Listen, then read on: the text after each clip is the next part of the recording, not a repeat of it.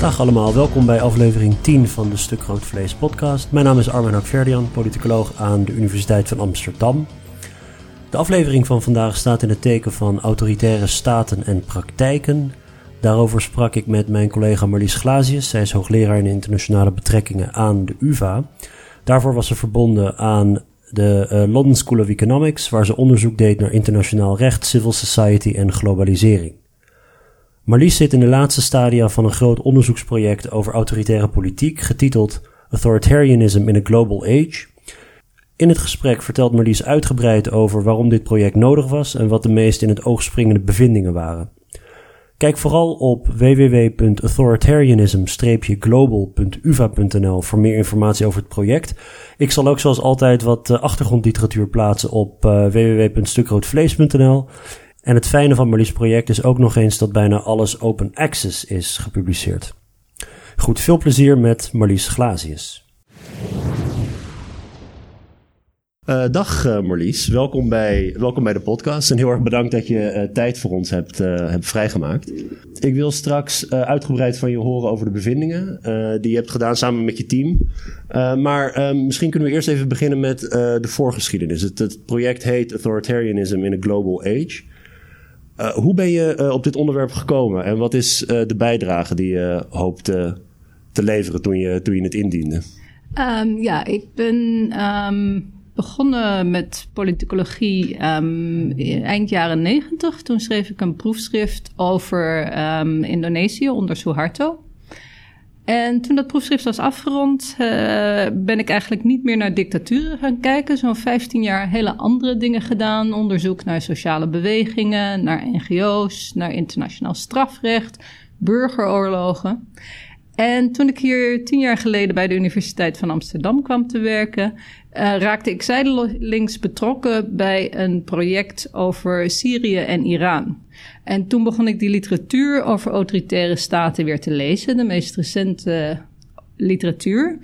En daar viel me iets heel erg op, want in dat onderzoek dat ik in die 15 jaar had gedaan over sociale bewegingen, over um, internationaal recht Um, had ik heel erg met globalisering te maken. Allerlei vormen van globalisering, migratie, toerisme, internet, um, ideeën die de wereld overvlogen en natuurlijk economische globalisering. En ik denk als we naar democratische staten kijken, dan zie je dat politicologisch onderzoek daar ontzettend mee bezig is. Ja. Winnaars en verliezers van globalisering. Maar ook onderzoek naar burgeroorlogen ziet nu veel meer in dat die niet alleen maar oorlogen in één land zijn, maar dat daar ja, allerlei internationale lijnen lopen. Ja, echt dat grensoverschrijdende. Ja, en in dat onderzoek naar autoritaire staten was dat nog vrijwel totaal afwezig. Dat ging nog heel erg over één land met daarin een dictator. En hoe die omging met uh, concurrentie van binnen de elite, hoe hij om zou gaan met uh, straatprotesten. Maar heel erg vanuit het idee dat zo'n land dan toch autonoom is en ja. niet dat de rest van de wereld vasthing. En ik dacht, zo is de wereld niet meer als democratische staten misschien wel uitgehold worden, maar in elk geval heel erg veranderd zijn door allerlei vormen van globalisering, dan moet dat voor autoritaire staten toch ook zo zijn. Ja. Dus um, zo ben ik op dat onderwerp gekomen, door die twee ideeën van autoritair bestuur en globalisering aan elkaar te verbinden. Ja, en, en je proefschrift ging over Suharto. Uh, misschien even kort, heb je, dat, heb je dat nog wel eens teruggelezen recent? Of wat, wat waren je bevindingen daarover? Um, het proefschrift ging over de mate waarin het mensenrechtenbeleid van westerse staten in staat waren om dat beleid van Suharto op het gebied van de mensenrechten te veranderen, te verbeteren. Um, de bevindingen daar waren dat dat eigenlijk enigszins afhing van ja, hoeveel intensiteit, hoeveel westerse staten bereid waren ook echt serieuze maatregelen te nemen. Maar anderzijds ook um, hoe belangrijk het was voor het bewind Suharto om die mensenrechten schendingen te blijven plegen. Dus in hoeverre ze ja, cruciaal waren voor het voortbestaan van het bestuur. Ja. Um, ik vind het nog steeds, als ik het teruglees, op zich wel interessant. Maar het ging heel erg over relaties tussen staten. Terwijl toen ik dat proefschrift aan het schrijven was, kwam ik er al achter dat westerse staten eigenlijk nooit aan buitenlands mensenrechtenbeleid deden. als er niet burgers in hun eigen land daar ontzettend bovenop zaten. Dus daarachter zag je eigenlijk internationale NGO's, mensenrechtenorganisaties. Dus toen begon dat idee al van niet te veel alleen maar naar de staat kijken. Ja, want die, het, het, lijkt wel als je uh, dus, dus die autoritaire staten die uh, werden gezien als soort van autonome eenheden. Uh, komt dat niet deels ook omdat ze zo naar binnen, of tenminste, het lijkt alsof ze zo naar binnen gekeerd zijn, alsof ze niet uh, niet doen aan, um, ja, aan, aan, aan, aan internationale samenwerkingen. Of dat ze, dat ze het ook bijvoorbeeld heel belangrijk vinden om zelf. Om, om niet afhankelijk te zijn in termen van, van, van uh, voedsel of in termen van grondstoffen of zo. Dat, dat, dat, ze zijn eigenlijk van nature een beetje naar binnen gekeerd, omdat ze misschien wantrouwend zijn of zo. Dat daarom politicologen die, ja, die, die, die mondialisering daarin hebben, hebben genegeerd. Omdat het gewoon de facto bijna een contradictie leek. Ja, uh, autoritaire regeringen hebben altijd de mond vol over soevereiniteit ja, natuurlijk. Ja. Um, maar in de praktijk, als je kijkt naar wat ze eigenlijk doen, is er heel veel veranderd. Uh, ik vind wat dat betreft ook de Berlijnse muur een heel interessant symbool. Ja. Waar die voor stond, was dat Oost-Duitsland, maar ook dat bredere Oostblok, mensen gewoon niet het land uitlieten, want dan zouden ze niet meer terugkomen. Wat zie je nu? Dat autoritaire staten eigenlijk op grote schaal hun mensen laten vertrekken. Toeristen, studenten uit China, uit Rusland, uit allerlei staten. Maar blijkbaar kan dat dus. Lukt dat ze dus zonder dat het hele land leegloopt. En dat vond ik inderdaad een interessante paradox. Waarom dachten we vroeger dat je zonder muur geen autoritair bestuur kon hebben. En nu blijkt dat wel degelijk zo te zijn. Ja, nu kunnen ze op allerlei andere manieren hun burgers nog in, in de gaten houden. Daar gaan gaan we het ook later over hebben. Uh, dus die beurs die je hebt gekregen, dat is een van de meest um, ja, vooraanstaande beurzen die, eh, die, die we hebben in ons, uh, in ons veld. Het gaat hier om de uh, Advanced Grant van de European Research Council. Dat is de waarde van 2,5 miljoen euro. Dat is ontzettend veel geld. Um, kun, je, kun je misschien een beetje inzicht geven in waar je dat dan allemaal zo aan uitgeeft, die 2,5 miljoen? Ja, het is inderdaad een grote zak geld. En ik had ook nog nooit zo'n groot budget voor onderzoek gehad. De reden dat ik zo'n grote beurs aanvroeg was, ik had dan wel dat idee in mijn hoofd van, oh, autoritaire landen en hoe zit het dan met globalisering. Maar je kan een autoritaire staat niet zomaar binnenlopen en onderzoek gaan doen. Ik had zelf, zoals ik zei, eerder onderzoek naar Indonesië gedaan. Dat is niet meer autoritair. Als ik bijvoorbeeld alleen maar China en Iran zou willen vergelijken, ja, dan zou ik me eigenlijk eerst tien jaar in China en dan nog eens tien jaar in Iran moeten verdiepen om dat in mijn eentje te kunnen doen. Ja. Dus ik dacht, ik heb een team van landenspecialisten om me heen nodig. Mensen die al heel veel verstand van één land hebben. En die het interessant vinden om dit soort vragen dan te vergelijken over een aantal landen. Dus het voornaamste waar we eigenlijk dat geld aan uitgegeven hebben, is salarissen om een team te bouwen. Ja. Um, en hoe groot was dat team? Dat uh, waren zeven mensen. En dan nog een paar parttimers. Uh, vier dus echte landenspecialisten. China, Iran, Kazachstan en Marokko. Twee wat jongere onderzoekers, PhD's, die thematisch hebben gekeken. De een naar internet en de ander naar lokaal bestuur. Um, autoritair bestuur binnen democratische landen. Ja. En dan nog een projectassistent die op een geweldige manier ja, alles met elkaar verbond. En nou, ja, behalve assistent zie je ook heel veel praktische dingen deed. Ja, maar de meeste van de, de ja, de echt de, de, de micro data, de, de alledaagse gedragingen en zo van overheden in die landen. Dat, dat hebben jullie gedaan door echt er zelf dik bovenop, gewoon dicht bovenop te zitten met landenspecialisten die daar ja, hoe lang blijven ze dan in zo'n veldwerkverblijf? Dat, dat... Meestal de eerste keer blijf je een paar maanden. Omdat het gewoon lang duurt om het vertrouwen van mensen te winnen, om contacten te leggen. En dan kom je nog één of twee keer terug, misschien voor een maand, voor iets kortere periodes. Ja. Jullie hebben ook een boek geschreven over jullie, uh, jullie ervaringen met, uh, met veldwerk doen in, uh, nou ja, in heel verschillende landen. Dus die, die je net al opnoemde: China, India, Iran, Kazachstan, Maleisië, Mexico, Marokko. Dus we gaan het zo, zo uitgebreid inhoudelijk hebben over, over de vormen van, van repressie en de vormen van mensenrechten schendingen en zo, die, die er allemaal zijn. Maar op voorhand lijkt het me niet zonder risico om gewoon mensen naar, het, uh, uh, naar, naar die landen te sturen. Ik bedoel, liepen ze op, op een bepaald moment gevaar? Zij of, of de bronnen trouwens, die ze moeten raadplegen daar. Hoe, wat waren jullie ervaringen met dat veldwerk? Uh, ja, het is inderdaad niet zonder risico. Um, aan de andere kant zijn er denk ik vormen van veldwerk die eigenlijk nog wel gevaarlijker zijn dan dit. Um, ik denk als je echt onderzoek in burgeroorlogen gaat doen, hmm. maar ook bijvoorbeeld naar criminele gangs in het Westen, dat, dat is misschien eigenlijk wel griezeliger. Um, maar er zijn toch wel inderdaad bepaalde regels die je in acht moet nemen. We zijn eigenlijk dat boek gaan schrijven om twee redenen. Het eerste was dat er niet zo'n boek was. Wel um, een soort handleidingen hoe je inderdaad in conflictgebieden aan het werk kan, maar niet over autoritaire staten. En ten tweede zijn we ontzettend geschrokken um, vijf jaar geleden, nee, drie jaar geleden omdat in Egypte een uh, PhD-student van de Universiteit van Cambridge gemarteld en vermoord is. Dat was natuurlijk een ontzettende schok. Die Door wie is dat gedaan? Um, dat is vrijwel zeker de Egyptische overheid geweest. Die deed onderzoek naar illegale vakbonden. En dat is niet heel anders dan wat wij doen, dus we zijn daar erg van geschrokken. Aan de andere kant is dat heel erg zeldzaam zelfs in de gevangenis komen of het land uitgezet worden, is betrekkelijk zeldzaam. Dus um, het probleem met dat onderzoek in die autoritaire landen is: het is bijna altijd niet gevaarlijk. Je wordt meestal niet nauwlettend in de gaten gehouden. Maar je weet het nooit helemaal zeker.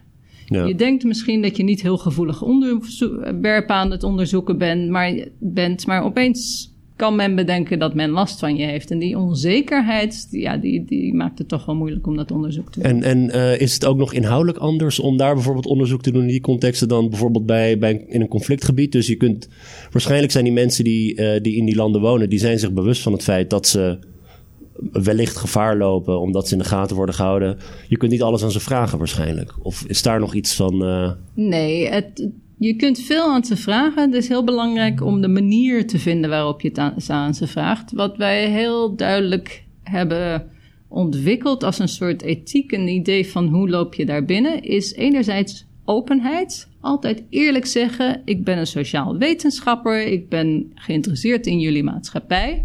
En dat ook legitiem te maken. Het is normaal om sociaal-wetenschappelijk onderzoek op die manier aan te pakken. Want anders, als je echt geheimzinnig gaat doen, dan word je voor spion aangezien. En dan maak je het waarschijnlijk alleen maar gevaarlijker voor jezelf en de mensen om je heen. Maar anderzijds, inderdaad, moet je bronbescherming ontzettend hoog in het vaandel staan. Dat is natuurlijk zelfs in het Westen zo voor onderzoekers, voor journalisten. Maar hier kunnen de gevolgen veel, veel ernstiger zijn. Ja. Ja, dat boek dat, dat heet uh, Research Ethics and Risk in the Authoritarian Field. Uh, geschreven door uh, bijna het voltallige team. dus um, nou, mocht, u, mocht u geïnteresseerd zijn, raadpleeg het. Oké, even nu concreet naar het project zelf. Dus het, het klassificeren van, van regimes, dat is een beetje zo oud als, als de politicologie zelf. En we hebben gewoon behoefte aan eh, regimes in hokjes stoppen, omdat we dan ook dingen kunnen beschrijven als dit land is democratisch, dat land niet. Of dit land wordt democratischer, dat land ziet een, ziet een terugval. Uh, jij bent ook, een onderdeel van, van het project is ook nadrukkelijk nadenken over wat nou precies de aard is van deze autoritaire stelsels. Maar dat veronderstelt ook dat dus nou ja, de mensen voor jou uh, daar wellicht uh, steken hebben laten vallen. Dus dus wat, was een beetje, wat is een beetje de, uh, de, de, conventie in het veld van hoe je dus kunt, kunt, hoe je die regimes kunt klassificeren? En, en wat, is jouw, um, ja, wat is jouw verbetering in hoe we daarover over nadenken? Um, het onderzoek naar autoritaire staten, zoals ik al zei, het um, had heel weinig aandacht en vind ik, heeft eigenlijk nog steeds weinig aandacht voor globalisering. Maar het is ook nog steeds heel erg gericht op staten. Dus dit land, dat land, dat land.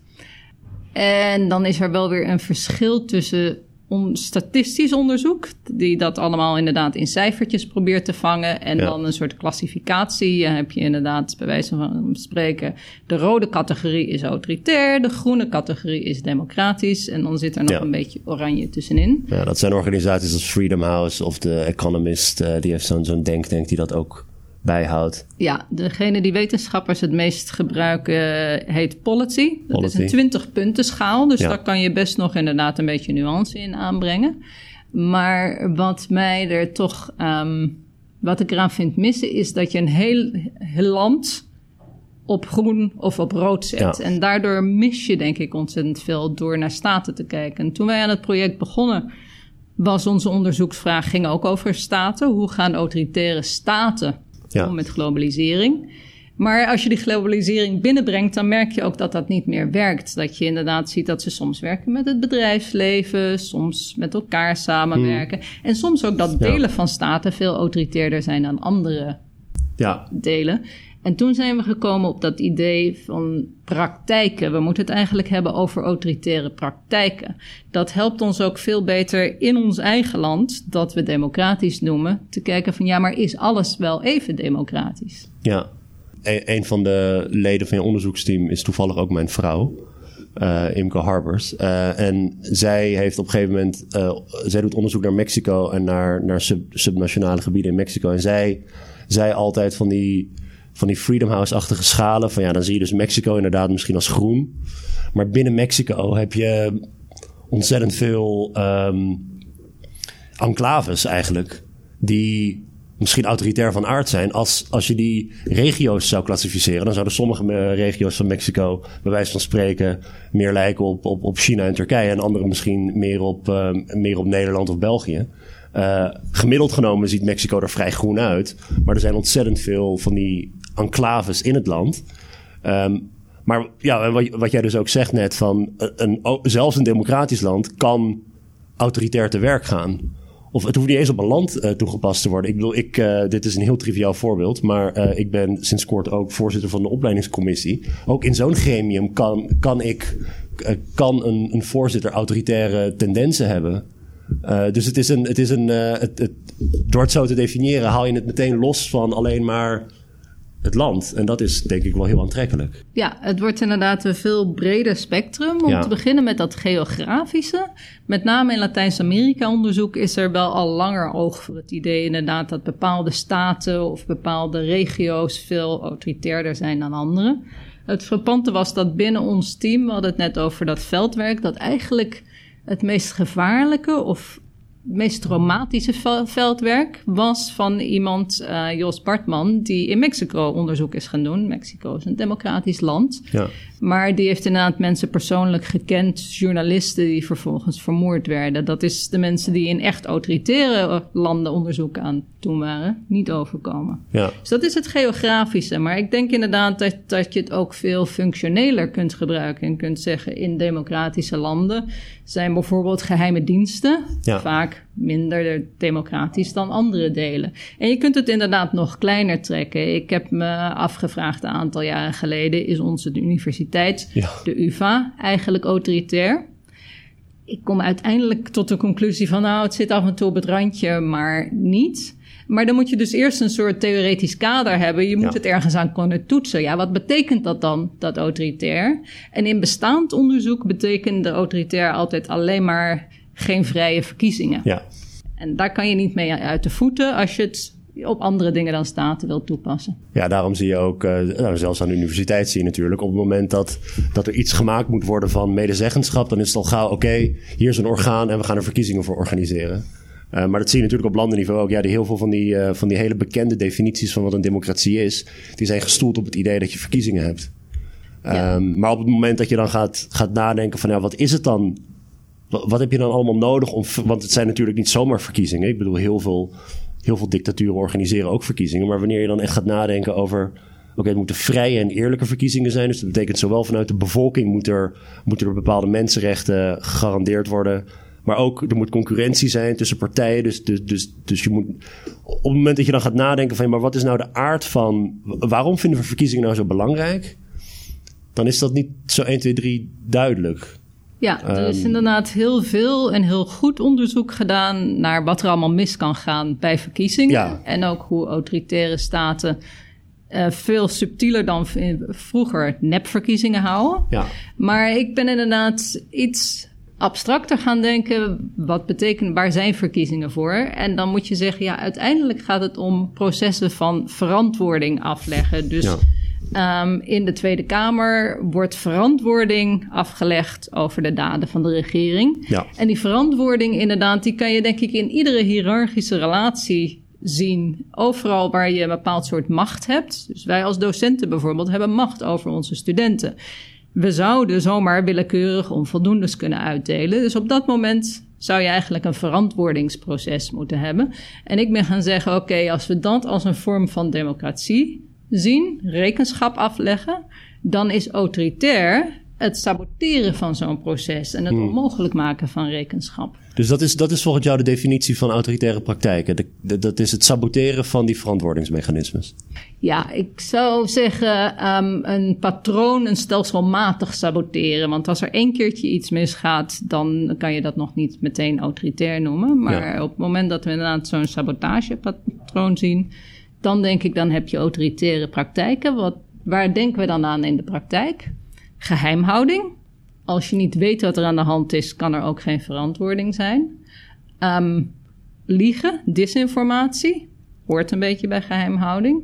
En aan de andere kant het monddood maken van diegenen die vragen willen stellen, die kritiek hebben op het beleid. Ja, dus je hebt. Um, dit staat allemaal trouwens heel overzichtelijk in een, in een artikel dat je hebt geschreven, dat ik ook op het, op het blog zal plaatsen. Uh, je hebt aan de ene kant heb je dus de. Um, je, je hebt een beetje het elite niveau, heb je. Je hebt, je hebt een beetje de, uh, het, het, massaniveau. Of jij noemt dat de actoren en het forum. En bij de actoren gaat het erom dat die zich kunnen. Uh, dat, dat ze uitleggen ten opzichte van dat forum. Wat, wat ze doen en dat ze, en dat ze rechtvaardigen wat ze doen. En vervolgens dat forum, dat moet de gelegenheid hebben om ook terug te koppelen. En tenminste in een, in een uh, in, in een, zelfs ook bij studenten en docenten werkt dat, werkt dat eigenlijk zo. Ik, bedoel, ik heb er nooit zo over nagedacht, maar um, wij leggen aan onze studenten uit in de modulehandleiding: dit is wat je moet lezen. Hierop ga je getoetst worden. Als er helemaal een toetsing is, dan hebben we een inzage. Dan kun je kijken: dit is het antwoordmodel. Dit is waarom je het goed hebt gedaan. Dat is waarom je het fout hebt gedaan. Het is een en al. Het is één groot proces van um, uitleggen wat jij hebt gedaan. Als degene die, die de macht heeft. En degene waarover die macht wordt uitgeoefend, die krijgt dan de gelegenheid om daar steeds bij bij te treden. Uh, in het ideale geval werkt, werkt dat zo. En wanneer dat gesaboteerd wordt, kan dat dus bijvoorbeeld omdat zo'n machthebber liegt. Of uh, expres informatie. Oh, ten eerste kan ook gewoon niks verteld. Dat je gewoon tegen je studenten zegt: uh, je, je, gaat dit lezen en ik vertel je niet waar het tentamen over gaat. En je ziet maar uh, wat, er, wat er gebeurt. Ja, het um, kan inderdaad gewoon niet willen uitleggen zijn. Maar ja. vaker nog kan het zijn dat je een deel van je beweegredenen geheim houdt. Dat ja. je dat gewoon inderdaad voor jezelf houdt. Uh, en dan kunnen ze daar ook niet bij. Ja. Dus als jij bijvoorbeeld laten we uh, wel wezen, dit, dit is een uh, fictief voorbeeld. Ja. Als jij een richtlijn meekrijgt, 20% van de studenten moet zakken en zij weten dat niet, dat ja. zou inderdaad een vorm van geheimhouding oh, ja. zijn. En dat, dat uh, zou je dan inderdaad niet dat 20% zakken per se, maar dat geheim houden, dat zou je een autoritaire praktijk kunnen noemen. Ja, ja. Ja, en, en, concreet als het gewoon gaat om een aantal van de, van de landen waarin jullie onderzoek hebben gedaan. Um, als het gaat om, dat, om die geheimhouding of om die misinformatie, wat zijn een aantal in het oog springende eh, dingen die jullie hebben gevonden? Nou, ik zal niet beginnen met Trump, want dat is te makkelijk. Maar met een voorbeeld ook van de Verenigde Staten van een jaar of vijf geleden, waar iedereen denk ik ook wel bekend mee is, is dat de uh, National Security Agency, de NSA, op grote schaal. Hmm um, digitale data begon te verzamelen over de hele wereld. Uh, telefoongesprekken, e-mails, noem maar op. Ja. Um, en in eerste instantie ja, was dat bij heel weinig mensen bekend. Hoewel er wel een soort wetgevend raamwerk was. Maar er stond eigenlijk ook heel erg weinig in. En het was natuurlijk technisch ook nog maar kort nodig. Uh, kort mogelijk om dat te doen. Um, op een ogenblik krijg je dan dat er vragen gesteld worden. Eerst in de journalistiek en dan ook in het congres. En in eerste instantie heeft de Obama-regering daar gewoon over gelogen. En gezegd: het is niet zo dat wij zomaar iedereen zijn telefoon kunnen aftappen en e-mails kunnen lezen. Nee hoor, niets aan de hand. Nou. Dat wordt dan op een ogenblik met Snowden onmogelijk om dat ja. nog geheim te houden. Dus dat vind ik een voorbeeld inderdaad van in een democratisch land, maar ook samenwerkend met allerlei andere geheime diensten, dat er inderdaad een praktijk ontstond waar honderden mensen bij betrokken waren en die ons niet bekend was en die inbreuk op onze privacy pleegden. Ja, die, uh, die opkomst van internet en van überhaupt van ICT, dat lijkt me nou bij uitstek iets waardoor autoritaire staten of mensen in, in democratische staten met autoritaire neigingen, die, die hebben daar. Dat heeft een vlucht genomen met, met mogelijkheden om, uh, die, om, om geheimhouding, om aan geheimhouding te doen, ook om aan surveillance te doen. Uh, ik weet nog dat. Uh, met de Arabische lente was er heel erg sprake van dat, dat internet ook mobiliserend zou kunnen werken. En dat, dat het mensen zou kunnen samenbrengen. En dat het protest zou kunnen organiseren. Dus dat het juist democratisch, democratiserend zou kunnen werken. Maar je hebt natuurlijk ook deze kant ervan. Dat, um, ja, dat die autoritaire praktijken eigenlijk. Dat het, dat het veel makkelijker is met met die ICT-revolutie uh, uh, die we hebben gehad? Ja, nou, we hebben daar inderdaad vrij veel uh, onderzoek naar gedaan in ons project. om te beginnen met het goede nieuws. Um, we hebben één onderzoeker gehad, Chris Ruigrok. Die heeft net een proefschrift afgerond. En die heeft gekeken naar de relatie tussen meer internet in autoritaire landen. En hoe vaak mensen de straat op gingen voor protestdemonstraties. Hmm. En daar bleek zonneklaar uit dat uh, naarmate er meer internetgebruik mogelijk is, dat er ook meer demonstraties kwamen. Nou is een demonstratie nog niet meteen een democratie. Maar dat was toch wel, ja, ook wel een soort goed nieuwsbericht. En waar hij dat dan uiteindelijk aan wijte, was niet zozeer wat wij dachten over de Arabische lente. Dat je dan 24 uur van tevoren even kijkt op je computer hoeveel mensen er komen en of het veilig is. Hmm. Nee, hij merkt, zag dat het toch een veel meer lange termijn effect is. Dat mensen jarenlang worden blootgesteld aan kritische informatie over hun overheid die ze vroeger niet hadden en dat dat eigenlijk een veel belangrijke rol speelt. Um, hij heeft daar natuurlijk ook over de tijd naar gekeken en dat effect dat was er tot op heel recent, 2016, 2017, nog steeds. We kunnen natuurlijk niet in de toekomst kijken of dat zo blijft. Maar wat dat betreft had internet dus, of je democratiserend wil noemen, weet ik niet. Maar duidelijk een effect dat het mensen meer informatie gaf over hun overheid en dat ze er kritischer tegenover kwamen te staan en daar ook naar gingen handelen. Maar, maar over dat punt, maar je kunt als land toch een, eh, een blokkade opleggen van internet. Of uh, China schijnt een van de meest geavanceerde blokkades te hebben en ook, en ook websites als Google, volgens mij, Facebook. Uh, maar je hebt dus landen die dat niet zo grondig kunnen doen als China en daar zijpelt dan die kritieke informatie door? Of nou, um, echt een blokkade? Willen landen vaak niet doen. Uh, wordt in de literatuur wordt dat de dictators dilemma genoemd. En het dilemma is als volgt. Als je je land en je burgers helemaal geen internet geeft, ja, dan kunnen ze ook eigenlijk helemaal niet deelnemen aan de internationale economie. Dat is uh, dus economisch helemaal niet hmm. Onze onderzoeker Chris Ruigrok heeft bijvoorbeeld naar Maleisië gekeken. Dat land had er heel duidelijk op gewet om binnen Azië een soort ICT-hub te worden. Ja, dan moet er internet zijn. En 95% van de eh, procent van de bevolking is natuurlijk 95% van de tijd niet met politiek bezig. Die zitten inderdaad naar schattige katjes te kijken op het internet of wat dan ook. Te shoppen. ja, als je de zaak helemaal blokkeert, dan maak je waarschijnlijk een veel groter aantal mensen boos dan hmm. dat je inderdaad de, het kleine groepen je activisten ja blokkeert. Het gebeurt wel. Uh, in Pakistan wordt regelmatig het internet geblokkeerd. In Afrikaanse landen vaak rondom verkiezingen. Maar het is een heel cru middel eigenlijk. Dus wat je veel meer ziet is inderdaad het filteren, het proberen te censureren. Maar daar is men toch nog lang niet zo ver mee als je zou denken. Bijvoorbeeld in China zijn de mensen heel goed in steeds een nieuw vocabulaire uitvinden. Steeds iets andere woorden uh, gebruiken om om de censuur heen te praten. Oh ja. En dat is het, dus het goede nieuws is, uh, het internet informeert uh, en, en zorgt ervoor dat burgers dus informatie krijgen die ze misschien dan aanzet tot protest of opkomen voor hun eigen opkomen voor hun rechten. En het, en het slechte nieuws? Dat is dat er inderdaad veel meer surveillance mogelijk is dan vroeger. En wat dat betreft is die globalisering ook wel weer interessant. Wat, want wat zien we? Dat bijvoorbeeld een land als Iran niet zomaar zijn eigen digitale tools ontwikkelt. Nee, er zijn inmiddels gespecialiseerde internationale bedrijven die gewoon de autoritaire en trouwens ook de democratische staten afreizen met hun handel. Kijk, dit is hoe we kunnen hacken. Dit is hoe we mensen kunnen surveilleren zonder dat ze het zien. Dit is hoe we kunnen surveilleren en intimideren. Dus daar zit een hele markt tegenwoordig achter. Eng. Ja. Misschien nog één punt wat dat betreft als we het over westerse landen hebben. Uh, er staat een, uh, op het punt een special issue van ons uit te komen met een aantal artikelen over de rol van internet in autoritaire praktijken. Daar staat één artikel in over westerse landen uh, van Stef Stefania Milan en Arne Hintz. En die hebben gekeken na de NSE. Wat is er nu eigenlijk gebeurd?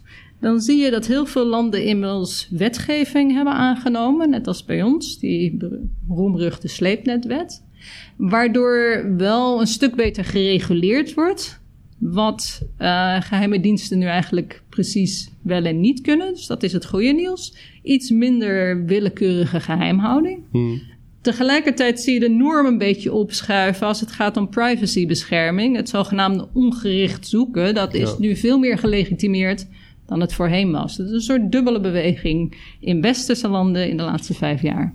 En uh, nou, jou, jou, jouw focus op autoritaire praktijken in plaats van stelsels, dat, uh, dat staat ons ook toe om bijvoorbeeld te kijken van, nou ja, die, zijn er binnen Nederland dan van die bewegingen richt, of, zijn er praktijken die je al dan niet autoritair zou kunnen noemen? Dat met die, met die sleepwet, waar een referendum over is geweest en wat, wat, wat is afgewezen door, de, door het electoraat, is, wat, hoe, hoe klassificeer je dat? Was dat een. Uh, die wet, is dat een vorm van, van surveillance die je als, als autoritair zou kunnen. Ik uh, klassificeer eigenlijk uh, surveillance een beetje als iets anders. Want wat je met surveillance vooral ziet, is dat ons recht op privacy wordt geschonden. Dat kan wel weer een indirect effect hebben op de mate waarin we inderdaad uh, durven dingen hardop te schrijven en te zeggen. In Nederland nog niet, denk ik. Maar voor mij is inderdaad het schenden van, van dat soort individuele rechten, dat noem ik meer een antiliberale praktijk. Hmm. Um, wat er autoritair is aan die sleepnetwet, is de mate van geheimhouding. Wij weten nog steeds niet precies op welke gronden, wanneer uh, er bepaalde onderzoeken gedaan mogen worden. Daar zit nu wel een controlerend lichaam omheen. Maar bij de Tweede Kamer komt het niet terecht. Ja, dat is interessant. Jij, maakt een. Uh, uh, ik wilde voor mij als uh, buitenstaander in deze literatuur, of het, nieuws volgend, en ik denk dat wel meer mensen dat zullen hebben, dat ik associeer autoritaire stelsels altijd met mensenrechten schendingen. En dat, dat, zo, dat dat zo centraal staat in, in landen uh, die autoritair van aard zijn. Um, het, het, het, de overheid grijpt in bij, bij protesten. Dus, dus vrijheid van, van, uh, van vereniging. Vrijheid van religie staat onder druk. Vrijheid van meningsuiting staat onder druk. Uh, privacy. dat, is, dat zijn, maar dat is volgens jou iets anders. Dat noem je illiberale praktijken. En dat is iets anders dan dat saboteren van die verantwoording. Ik probeer dat inderdaad uh, analytisch een beetje uit elkaar te trekken. En deel van de reden dat ik dat zo belangrijk vind, is juist omdat ik het idee heb dat in de laatste paar jaar een beetje paniek is ontstaan rondom uh, wie en wat autoritair aan het worden is. Uh, Hongarije, Poland. Uh, misschien ook inmiddels de Verenigde Staten. Uh, en dan is het juist belangrijk om met een goed analytisch instrument te komen waarvan je kan zeggen: dit is dit, dat is dat. Ja. Um, en ik maak inderdaad een, een, onderscheid tussen het saboteren van die democratische processen, dat gaat om verantwoording, en het schenden ja, van je waardigheid als individu. De mensenrechten schendingen. Natuurlijk gaan ze heel erg vaak samen. Je kan jezelf eigenlijk als autoritaire staat of zelfs als autoritair lichaam niet handhaven zonder bepaalde mensenrechten te schenden. Maar dat betekent nog niet dat hetzelfde aan de hand is. Uh, een uh, autoritaire regering die heel populair is, hoeft niet zoveel aan mensenrechten schendingen te doen dan als het begint mis te gaan. Um, vrijheid van meningsuiting, dat is er wel eentje waar het allebei bij elkaar komt. Want dat gaat enerzijds inderdaad om het monddood maken van eventuele oordeelvellers, vragenstellers, critici. En anderzijds is het ook een individueel recht dat wordt geschonden. Ja. Dus het is, het is een analytisch verschil, maar heel vaak komen ze bij elkaar. Wat zag je bijvoorbeeld bij de NSA? Het is een privacy schending, maar er was geheimhouding over. Dan vervolgens als Snowden en een aantal journalisten daaraan gaan trekken, wordt het die heel erg lastig gemaakt. Dus dan komt het bij elkaar. Ja, ja als we teruggaan naar dat, naar dat schema, dan heb je dus inderdaad een aantal van die ja, bijvoorbeeld de media, de aanvallen van de media, de vrijheid van de pers. Dat is iets wat. Ehm, aan de ene kant is het het, het aanvallen van het recht op informatie, denk ik, dat burgers ook hebben. En het is sowieso vrijheid van meningsuiting van journalisten. Dat, dat, maar aan de andere kant zorgt het er natuurlijk voor dat de belangrijkste boodschappers van het publiek, namelijk de media. Ik bedoel, we halen gewoon onze informatie uit de media. En iedereen die kan kritiek hebben op de media, uiteraard. En ze doen soms hun werk niet goed. Maar dat is, de, het is echt de voornaamste bron van informatie die burgers hebben. Maar je ziet heel vaak dat bij, bij, bij autoritaire leiders, of met autoritaire trekjes, een van de eerste actoren die ze aanvallen is altijd de media. Altijd de boodschapper aanpakken. Want daarmee vertroebel je al een heel groot deel van het verantwoordingsproces. Op het moment dat, op het moment dat de achterban van Trump niet gelooft dat de New York Times de waarheid spreekt, ja, dan kunnen ze hem ook niet, uh, dan, kunnen, dan zullen ze hem ook niet afvallen. Dus het is een heel effectieve maat.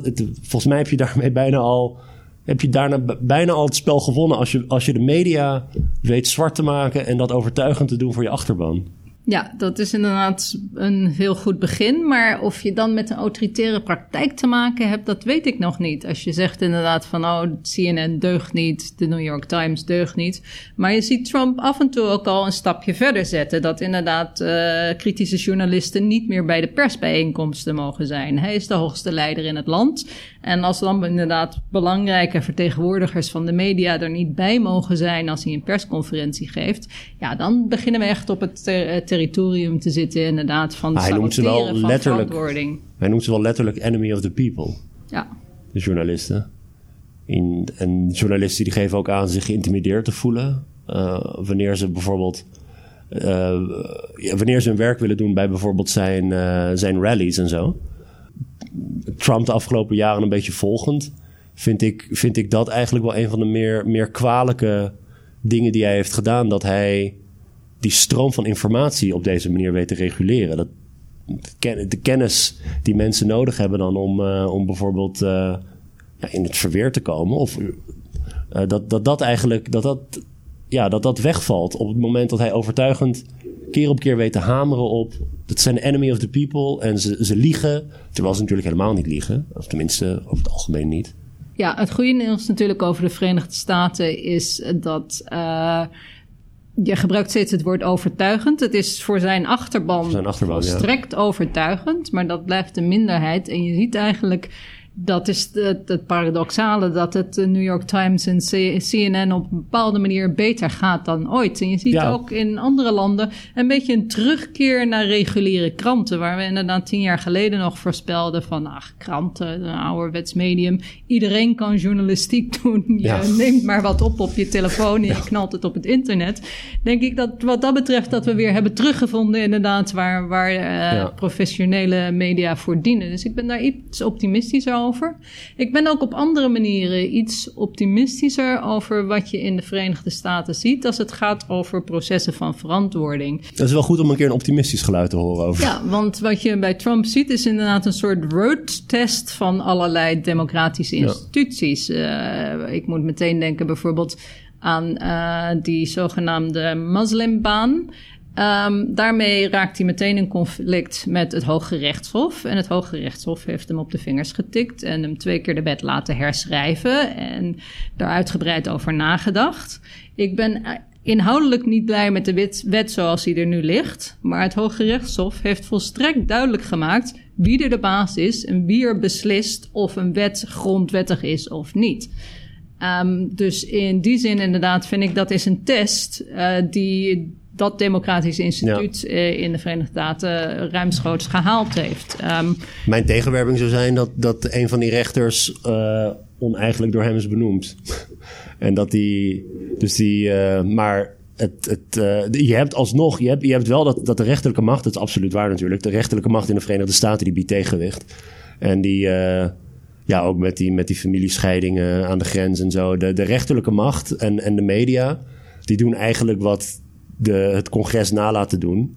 Die vormen tegenwicht tegen, tegenover Trump. Dat, dat, is, dat, dat is wel een, een sprankje van hoop, ja. Ja, er zijn andere sprankjes van hoop. Waar ik mij nog het meeste zorgen over maken in de Verenigde Staten is denk ik minder dan inderdaad die autoritaire praktijken van echte democratie in de weg zitten en veel meer het antiliberale geluid dat er hmm. uitkomt. Eigenlijk gewoon inderdaad het, het, etnisch witte geluid tegen alles wat anders is. Uh, met name natuurlijk inderdaad uh, Hispanic migranten, maar het keert zich ook tegen zwarte, het keert zich ook tegen moslims.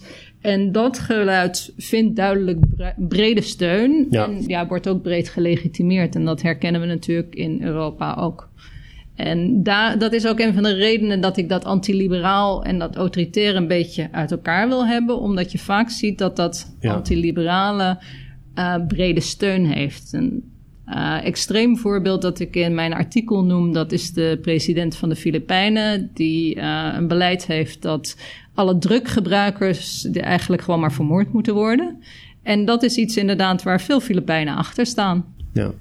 Uh, minder extreem, zoals ik zei, ja, zien we in Europa ook de lijnen opschuiven als het gaat om de omgang met asielzoekers, met mensen met een migrantenachtergrond. Uh, ik wil het nog niet democratisch noemen, maar het heeft brede steun en er is niets geheimzinnigs aan. We weten het allemaal. Ja.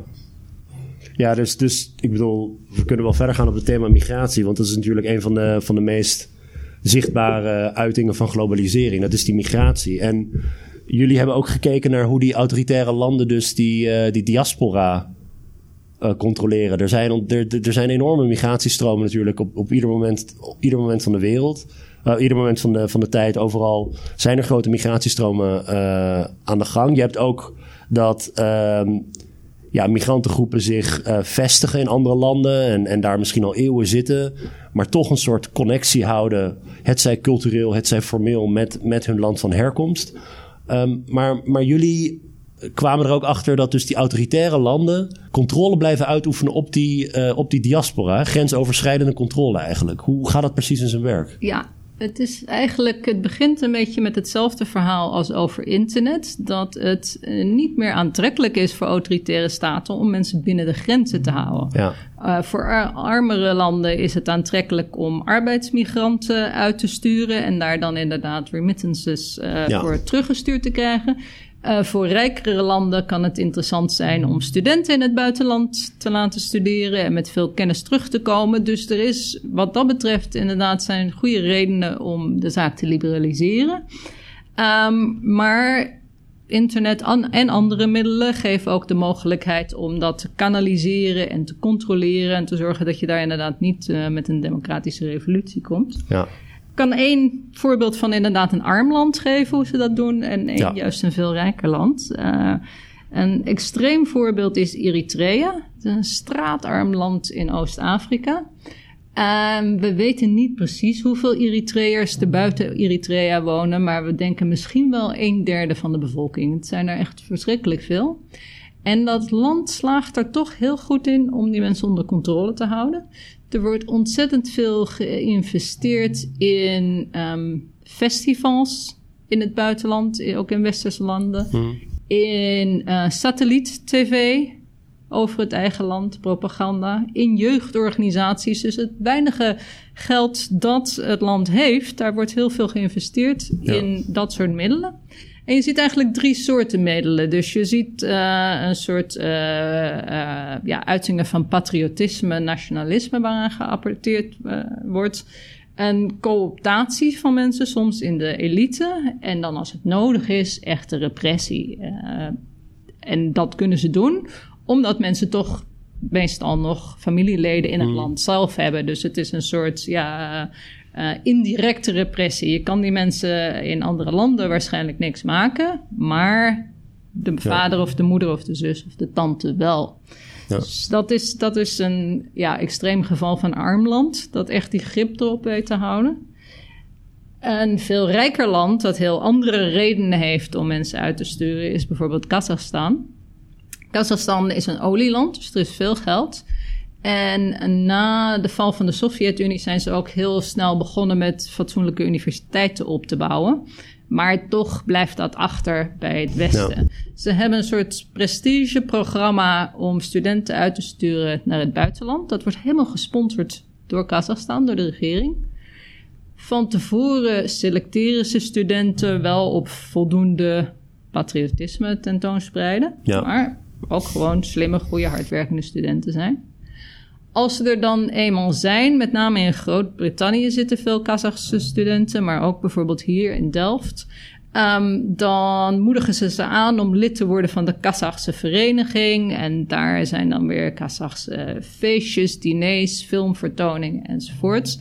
Um, maar ook wordt er, daar hebben we wel enige aanwijzingen voor, uh, ja, aangemoedigd om elkaar in de gaten te houden, een beetje te spioneren, aan te spreken als er kwaad gesproken wordt over de Kazachse regering. En bijvoorbeeld ook um, is het heel normaal dat de Kazachse autoriteiten om het wachtwoord vragen, zodat ze kunnen kijken hoe het gaat met je cijfers op de universiteit. En dat is het soort alledaagse, ja. banale autoritaire praktijken waar wij niet zo gauw aan denken. Nee, inderdaad. Ja. Om mensen onder controle te houden. En inderdaad, vrijwel iedereen komt terug. Want je ouders moeten ook eigenlijk uh, ja, hun huis in onderpand geven zodat als je niet terug, terugkomt, dan moet er een gigantische boete worden betaald van 100.000 euro. Dus iedereen komt terug. Ja. En het lijkt erop dat um, Kazachstan daarmee ook een soort nieuwe elite voor heel lang aan zich kan binden. Want die mensen zijn terecht dankbaar dat ze in het buitenland op een beurs mochten studeren. Ja. Dus dat is echt heel lang vooruitdenkend. Ja, als jij dus als, als bijvoorbeeld als student naar het buitenland gaat en je besluit daar te blijven en niet terug te keren, uh, dan, dan komt ja, je familie komt in een probleem. Dat is de manier waarop ze dwingen uh, om terug te keren. Ja, ja, en in dit geval is het dan nog niet meteen dat die familie in de gevangenis komt of wat dan ook. Het is veel meer een financiële incentive. Dus van tevoren inderdaad wordt gewoon een soort hypotheek, een soort onderpand gevraagd. En de familie kan gewoon het familiehuis kwijtspelen. Maar heel veel mensen willen natuurlijk ook terug. Ja, ja, heel veel willen terug. Ja. Nee, ik zat uh, toen we toen in het voorgesprek hierover uh, over uh, toen je dit vertelde dat het onderdeel was, toen dat verbaasde mij een beetje, omdat ik zelf in deze situatie zit persoonlijk. Ehm, mijn familie is begin jaren tachtig uit Iran, Iran gevlucht en um, ik heb nog steeds Iraanse nationaliteit. Ik ben geboren in Teheran, ik, maar goed sinds ja, sinds 84, 1984 wonen we dus in, in Nederland. Mijn zusje is in Nederland geboren. Ik heb nog steeds Iraanse nationaliteit, hoewel ik die wil uh, wegdoen. Ik, ik, uh, ik ben Nederlands staatsburger. Ik heb geen Iraans paspoort, nooit aangevraagd. Maar mijn kinderen, die hier zijn geboren en die werkelijk geen ene bal te maken hebben met Iran, die hebben ook de Iraanse nationaliteit. Dat is heel vreemd dat dat, ik bedoel, ik begrijp het wel vanuit Iran. Die hebben een of andere regel die zegt: als je eenmaal in Iran geboren bent, dan ben je Iranier. En dat geef je tot, tot in oneindigheid door aan je, uh, aan je kinderen en hun kinderen, et. Dat, dat zou een manier van controle kunnen zijn. Maar dat Nederland dat voor hun bijhoudt. Maar zij kunnen mij natuurlijk niks maken zolang ik niet terug ga. Maar dat behouden van die nationaliteit, dat kan dus wel een manier van controle zijn voor mensen die wel een band hebben met het land. Die bijvoorbeeld familie daar hebben wonen of die misschien wel terug zouden willen keren. Ja. Dat, dat spelen met die nationaliteit. Dat, dat, ja, dat... je kan heel leuk spelen met nationaliteiten. Uh, Nederland houdt bijvoorbeeld ook niet van dubbele nationaliteiten. Nee. Um, dat staan ze dan in jouw geval wel toe, maar vaak ook niet. Dus ja, stonden iemand, ze het maar niet toe? Ja, iemand die geval. niet de Euro... Nou, dat weet ik niet, want stonden ze het niet toe... dan had jij misschien alleen een Iraans paspoort. En dan oh, je denkt dat ze Iran... Oh ja, op die manier. Nee, ik dacht dat ze zouden zeggen... ja, nee, we willen jou er wel bij hebben... maar dan hoef je geen Iranier meer te zijn. Ja. Um, maar inderdaad, het, het, vreemde is, jij hebt niet zoveel met Iran, maar nee. daarom ben je ook geen probleem voor de Iraanse regering. Nee. Mensen die daar nog wel banden hebben en die inderdaad politiek uh, actief willen zijn, die een politiek geweten hebben, ja, die zijn wat dat betreft ook op bepaalde manieren chantabeler, omdat hmm. ze inderdaad die banden nog hebben. Um, dus daar zit een repressief element in. Van, en dat zie je ook. Dat heeft mijn collega Marcus Michelson heeft heel veel Iraanse dissidenten in de diaspora gesproken. En als die dan bijvoorbeeld inderdaad een interview geven met de BBC, dan binnen 24 uur dan kan je er vergif op nemen dat daar inderdaad de moeder of de broer of de zus ja, ja. in Iran naar het politiebureau gebracht wordt. Ja. Maar het is niet alleen repressie. Er wordt ook heel vaak ingespeeld op patriotisme. En wat ze dan doen is eigenlijk ja, uh, gevoelens voor het vaderland. Dus ja, liefde voor het land. En trouw aan de regering, trouw aan het regime, een beetje als één en hetzelfde Mm. beschouwen. Dus Ja. proberen inderdaad eh, dat eh, je houdt van je land, dus hou je van je regering. eh, aan elkaar te koppelen. En dat werkt heel goed, omdat mensen in de diaspora toch vaak of nostalgie hebben of schuldgevoelens, omdat ze niet daar Ja. zijn waar hun familie is. Ja. Ja, ik moet erbij zeggen, ik ben, eh, ik ben van Armeense origine. Ik ben geen, dus, dus in die zin heb ik al die warme gevoelens voor Iran niet, omdat ik ook etnisch eh, van Armeense origine ben, maar toch. Ik wil eventjes trouwens nu toch noemt eh, Armenië noemen. Want Armenië is zo'n goed nieuwsland waar je eigenlijk vrijwel niets van hoort. Ja. Eh, we hebben een beetje, zoals ik zei, een paniekgevoel. Omdat we een aantal landen kort achter elkaar zien overslaan in meer autoritaire richting. Ja, En het is bijna nooit in het nieuws als een land de andere kant op gaat. Maar Armenië is zo'n land inderdaad waar eh, een, nog geen jaar geleden grote massademonstraties en de regering eigenlijk, de autoritaire regering, zonder slag of stoot zei: Goed, wij gaan weg. We doen vrije verkiezingen. We weten niet hoe het afloopt, maar vooralsnog ziet dat er heel goed uit. ja, En Maleisië is ook zo'n land waar je 60 jaar dezelfde partij aan de macht had. Met verkiezingen die echt waren, met een echte oppositie, maar toch niet helemaal eerlijk. En nu heeft de oppositie de verkiezingen voor het eerst gewonnen. ja. Goed, dus één lijn van het project ging over eh, ICT, de andere lijn ging over migratie. En een derde vorm van globalisering, eh, of, of derde actor in die globalisering, zijn, zijn NGO's. Ehm, wat spelen die precies voor, voor rol in het project? Ehm, nou, NGO's waren heel belangrijk eigenlijk in het democratiseringsverhaal over hoe autoritaire staten meer democratisch worden. Ehm, sindsdien is er ook wel heel veel onderzoek geweest waaruit blijkt dat heel veel NGO's helemaal niet politiek zijn. Dat zijn puur humanitaire of gezelligheidsclubs. Maar toch, ehm, milieuorganisaties, anticorruptieorganisaties, mensenrechten, ze kunnen bedreigend zijn.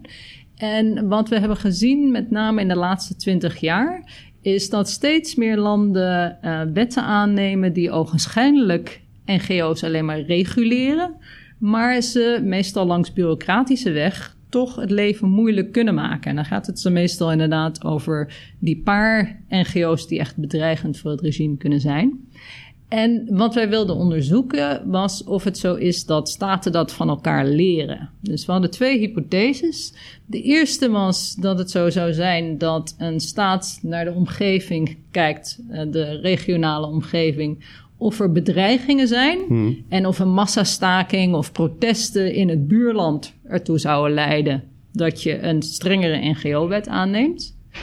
De tweede hypothese was: nee, ze kijken gewoon naar elkaars wetten. Dus als het ene land Ja. iets aanneemt, doet de volgende dat ook. En het is duidelijk gebleken dat die eerste hypothese niet klopt. Het gaat niet om bedreigingen van buitenaf.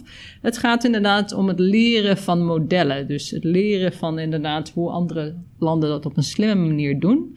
Een concreet voorbeeld is bijvoorbeeld in 2002 neemt Egypte een wet aan waarbij ehm, lokale NGO's alleen maar geld van internationale organisaties kunnen krijgen als ze eerst toestemming krijgen van het ministerie van Buitenlandse Zaken en dan ook nog van het ministerie van Sociale Zaken. Vervolgens, nog voordat Egypte die wet heeft aangenomen, zie je Jemen een wet aannemen met precies hetzelfde artikel erin. Ehm, Twee jaar later neemt Turkije ook een wet aan met ook weer datzelfde idee. In dit geval was het eerst het ministerie van Buitenlandse Zaken, dan het ministerie van Justitie. Eh, vervolgens Eritrea, Ethiopië, 2006 Soudaan. Dus je ziet heel duidelijk, met name binnen de regio, dat ze inderdaad elkaars wetten lezen en juist leren om van die niet hele draconische, maar meer bureaucratische maatregelen aan te nemen waarmee ze het NGO's moeilijk kunnen maken. Ja, e- even voor mijn, voor mijn begrip concreet, wat voor, over wat voor NGO's hebben we het hier? Waarom eh, zijn het bekende NGO's? Wat, wat doen die NGO's in die landen? Eh, waarom zou je überhaupt, waarom zou je überhaupt NGO's willen reguleren? Zijn die, zijn die bedreigend? Of, Um, ja, het gros van de NGO's zijn helemaal niet per se bedreigend. Die doen aan sociaal werk, die doen Ja. humanitaire projecten. Daar heb je alleen maar plezier van. Uh, capaciteit bouwen, trainingen geven. ja, dan hoef je dat als overheid zelf niet te doen. Ja. En dat is ook de reden inderdaad dat NGO's meestal heel erg welkom zijn. Hmm. Net als Ja. inderdaad die andere vormen van globalisering, internet, migratie, die worden omarmd door autoritaire staten. Maar er zijn natuurlijk een paar luizen in de pels. Dat zijn altijd de mensenrechtenorganisaties, Oh ja. die inderdaad direct kritisch kijken naar het regime. Ehm, milieuorganisaties kunnen ook heel explosief zijn als ze inderdaad vervuilingsschandalen op het spoor komen. Eh, verkiezingsmonitoren, anticorruptieorganisaties, dat soort organisaties inderdaad. Ja. Dus het zijn precies die organisaties die bezig zijn met die verantwoordingsmechanismen eigenlijk, eh, Ja. die, ja. die gevaar lopen. Of Dat- tenminste die het regime als bedreigend kan zien. Ja, die zijn het meestal. En soms is dat inderdaad Greenpeace en Amnesty International. En soms zijn het ook lokale organisaties. Ja. ja, misschien is dat wel een goed manier om, eh, een goede manier om te, om te beëindigen. Want als je tegenwoordig een boekwinkel inloopt en je gaat naar de afdeling eh, met, met politieke boeken, dan zie je boeken liggen met titels als How Democracies Die en, en allemaal, dat soort, allemaal dat soort zaken. Je ziet in de, in de media zie je eh, heel vaak verhalen over eh, dat we in een autoritaire zeitgeist zouden zitten. Eh, Human Rights Watch heeft daar ook dingen over geschreven. Dat we, dat we echt in een, in een. dat de tijdsgeest echt een autoritaire is. Dat er backsliding is. Als je denkt in termen van, van die golven van democratisering. waar Huntington het, het ooit over had.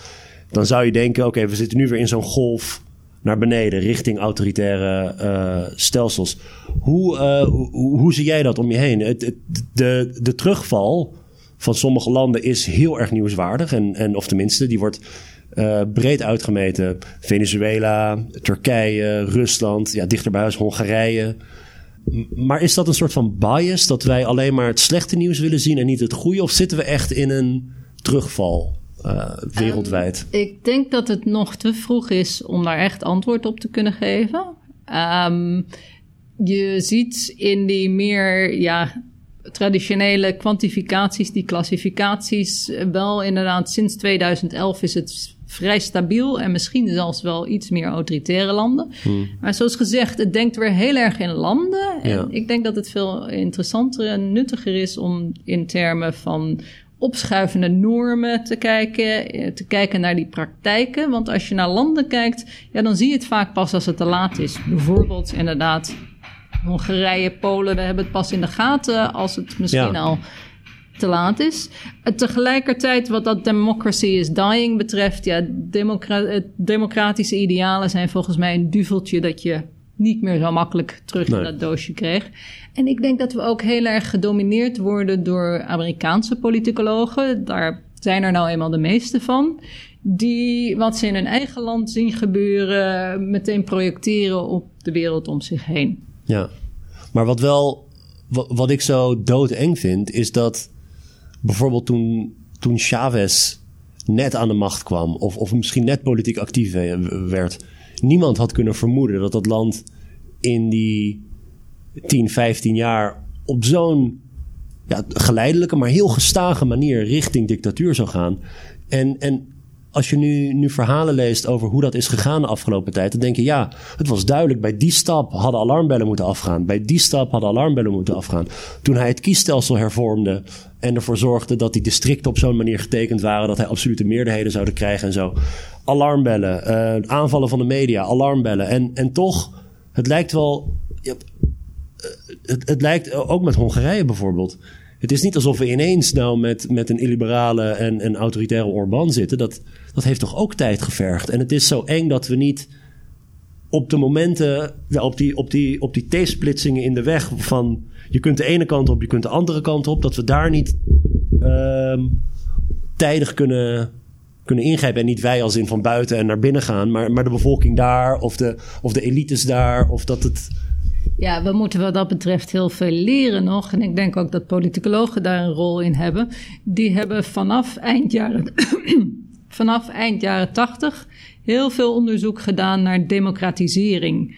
Want dat zag je eerst Ja. in Latijns-Amerika, vervolgens in Oost-Europa en een aantal Afrikaanse landen. Dus we weten inmiddels heel veel over hoe een land langzamerhand of soms heel plotseling van autoritair naar democratisch kan gaan. Maar we zijn pas een beetje begonnen inderdaad met de weg naar de andere kant te onderzoeken. Dus daar moeten we beter in worden. Maar ik denk dat dat idee van praktijken en niet alleen maar in landen denken, ook kijken naar samenwerking met bedrijven, hmm. samenwerkingen tussen staten. Dat gaat ons wel helpen daarbij. Marlies, heel erg bedankt uh, voor, je, voor je tijd. Het was heel, uh, ik vond het heel boeiend. Ik ga natuurlijk, uh, zoals altijd, op het blog um, linkjes zetten naar de studies waar we het over hebben gehad. En dan kunt u zelf in uw, in uw eigen tijd rustig teruglezen waar we het over hebben gehad. heel erg bedankt en tot de volgende keer.